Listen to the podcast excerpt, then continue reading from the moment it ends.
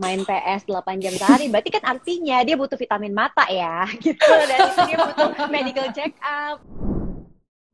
Oke, sudah bergabung bersama kita hari ini. Halo Mbak Prita dan juga Bang John, apa kabar? Halo, halo Sydney, Mbak Prita, apa kabar? Wow, Halo. so glowing. Itu apa tulisannya tuh uh, di bajunya tuh, Coach? Bo- Boleh dikasih lihat? Kecauch, kebalik. Berarti udah langsung ya, udah langsung verified coach dari Bareksa nih ya. Semoga semuanya uh, sehat-sehat ya hari ini ya. Kita akan ngobrol-ngobrol sama para netizen yang udah nonton nih.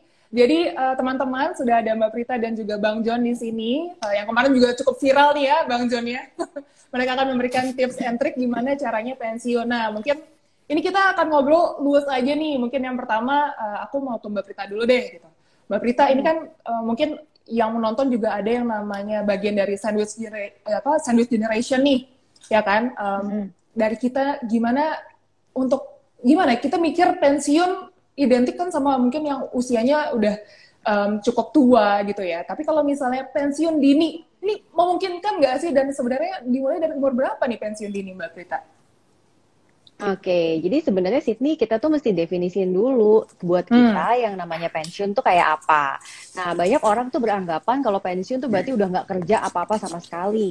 In which Betul. kalau pengalaman aku sih melihat para pensiunan itu tidak mungkin karena em, seseorang itu pasti kepingin terus produktif, pengen berkarya. Tapi kita nggak kepengin kan, kita tuh kerja hanya demi misalnya untuk beli makan, beli minum. Nah, jadi sebenarnya definisi pensiun itu em, kita bisa hidup secara nyaman, em, kita nggak perlu memikirkan apa yang perlu kita penuhi. Tapi kalau kita mau kerja ya kerja just for you like to kerja, kita mau ngapa-ngapain, kira-kira tuh kayak gitu.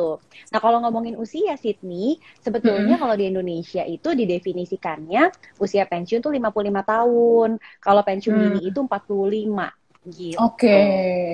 Jadi kalau pensiun sebelum 45 super dini itu ya, Mbak ya? Heeh, heeh, sayang sih sebenarnya. Oke, nah tadi kan kalau dari Mbak Prita sudah memberikan em, apa masukan nih, jadi sebenarnya umur produktif tuh bisa lah dimaksimalkan sampai umur 45 tahun gitu ya. Nah kalau dari Bang John nih, aku mau ngobrol ke Bang John sekarang. Bang John, untuk dirimu sendiri kan kamu masuk generasi millennials nih, ya, eh, masih ada usia rentang durasi untuk mempersiapkan ke pensiun dini yang tadi udah dis- eh, disebutkan sama Mbak Prita nih. Nah dari dirimu sendiri tuh kamu udah mulai nabung nggak sih untuk persiapan pensiun dini versi Jonathan M atau gimana nih? Sudah mulai nabung kok, sudah mulai nabung. Jadi kalau aku, Oke. aku kan sebenarnya suka main game ya. Hmm. Jadi memimpikan ada masa di mana aku bisa main PS itu 8 jam sehari. Wow, jadi profesi. tapi ya Oke. itu, jadi di satu sisi juga em, kerja tetap kayak kata Mbak Prita tadi, kerja juga kerja, tapi nggak ngoyo-ngoyo amat gitu kan harus lembur Hmm. atau apa. Em, kerjanya lebih ke aktualisasi diri gitu. Ketika kita ingin bekerja, ya udah bekerja. Em, tapi juga ada waktu banyak yang fleksibel bisa kita gunakan untuk apa pun gitu loh. Mau bersantai buat keluarga juga bisa, atau mau menekuni Mhm. hobi, atau mau dipakai buat jalan-jalan juga bisa tanpa ada perlu mikirin, aduh, ntar kalau jalan-jalan nggak kerja, duit habis gimana gitu loh. Iya, benar. Oke, jadi kalau misalnya dari kalian nih gimana nih? Misalnya se- seberapa penting sih apa sangat super pentingkah untuk kita kita nih untuk mempersiapkan em, apa namanya pensiun dini yang nantinya ya kita udah tahu nih kita nggak akan kerja eh, seumur hidup gitu ya.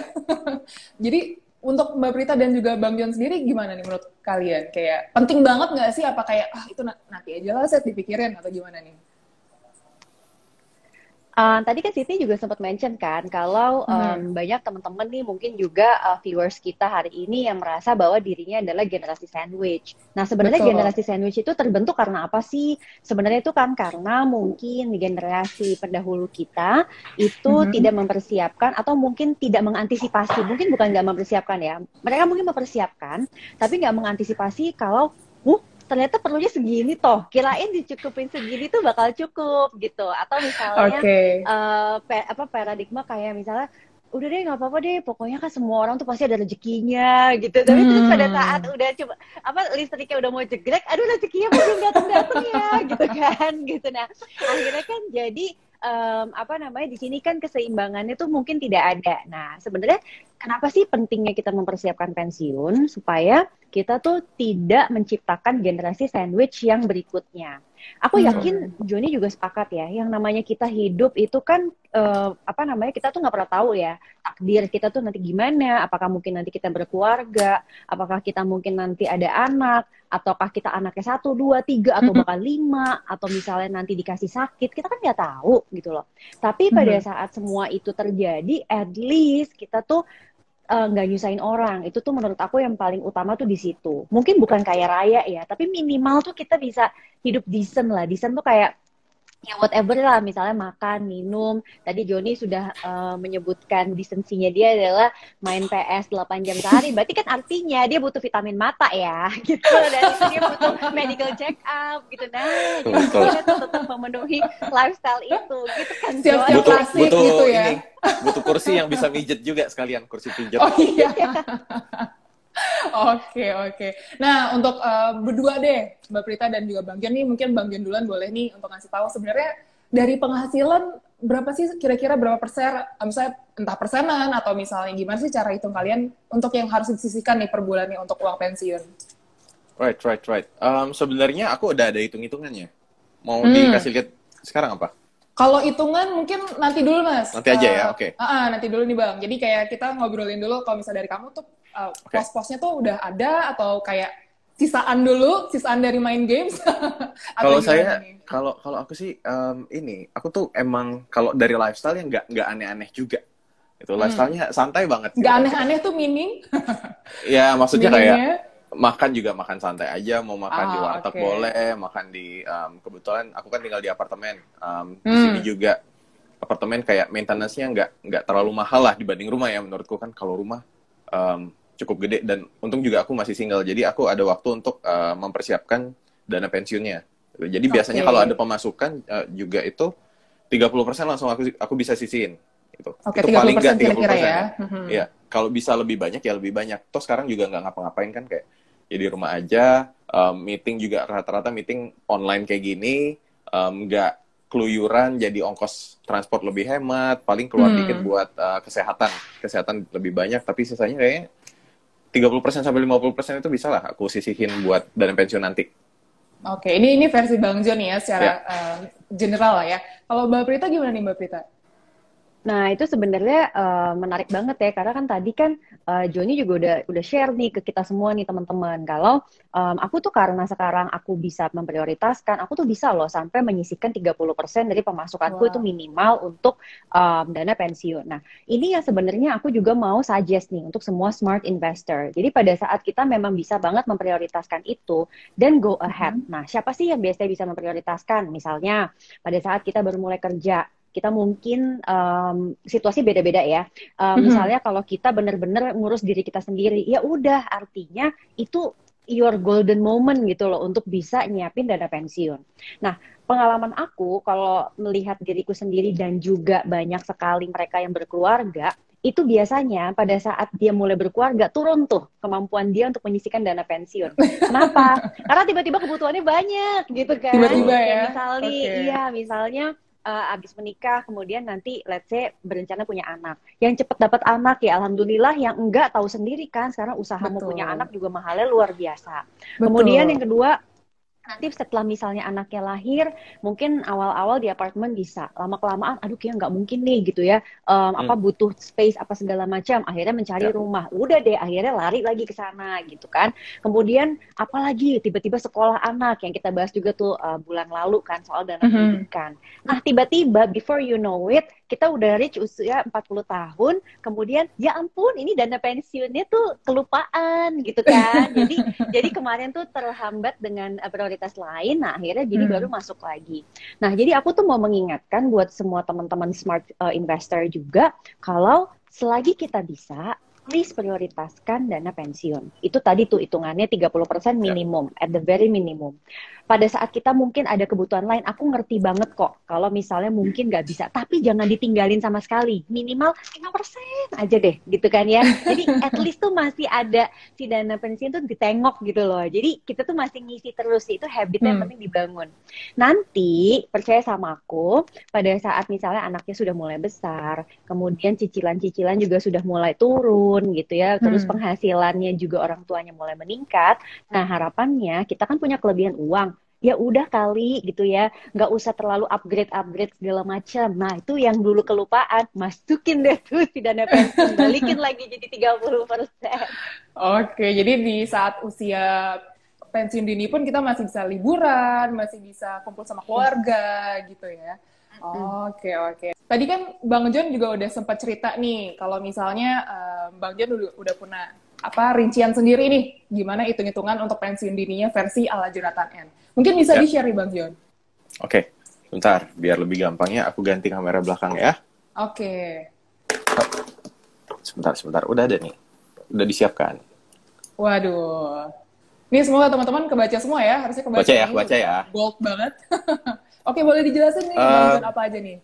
Oke, okay, jadi sebenarnya ini juga yang aku baca dan um, ada uh, teknik namanya 4% rule.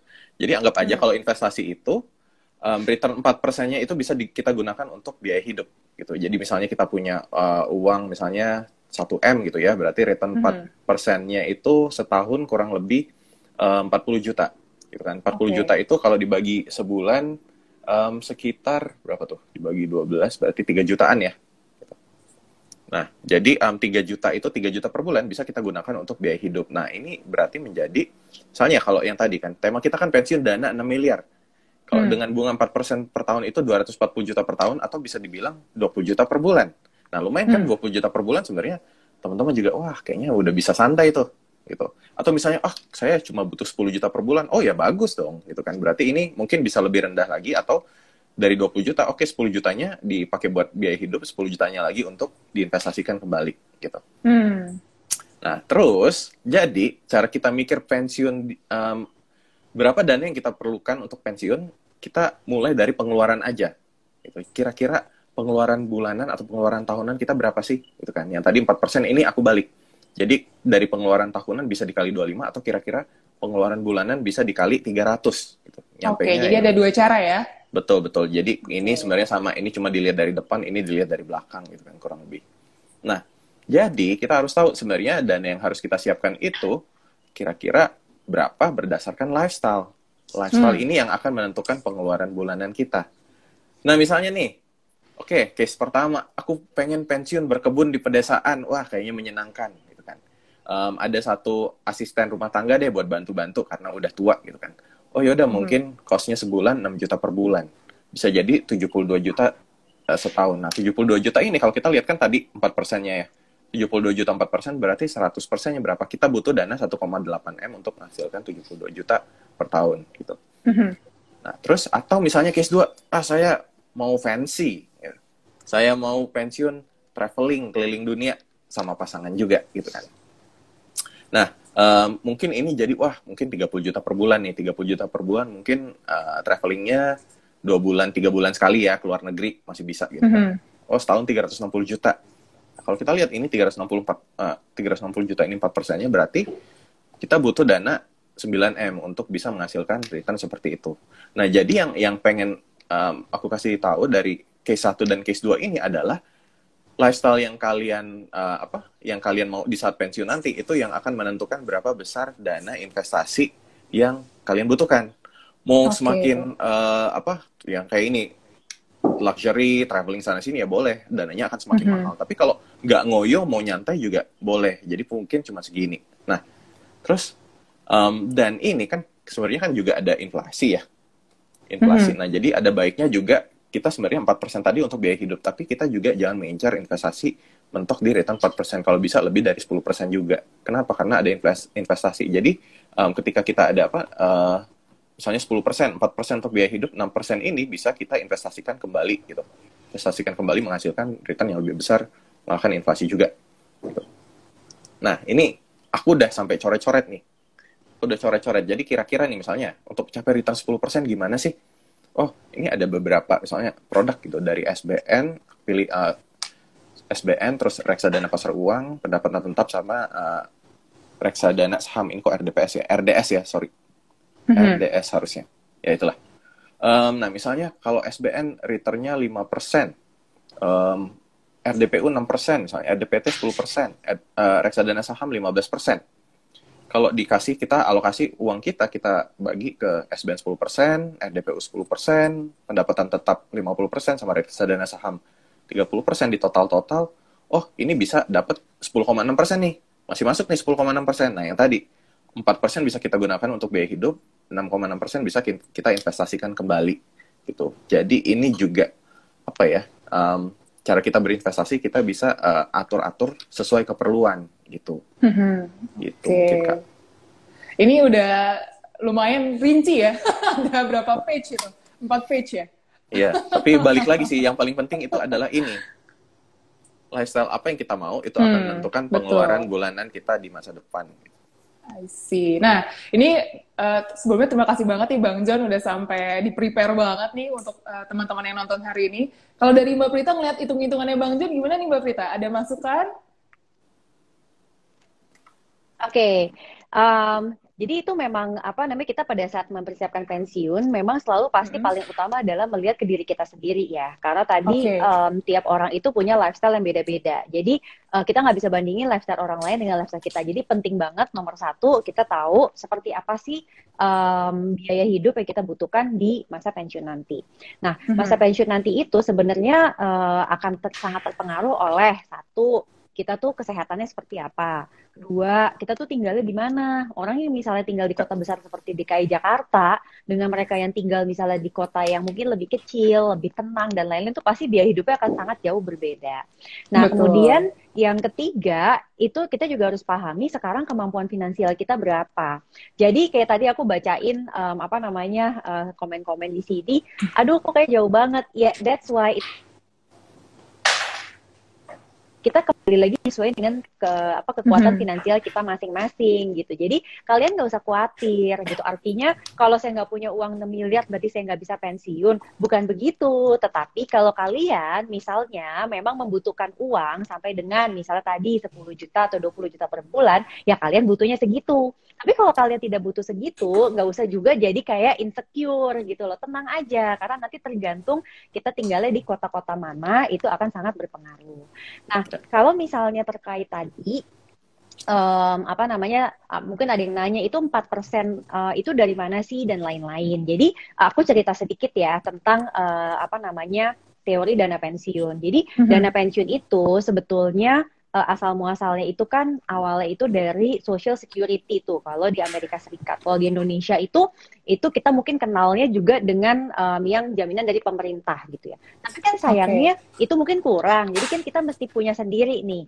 Nah, mhm. empat persen mm -hmm. itu adalah perhitungan yang dilakukan oleh William Bangen namanya.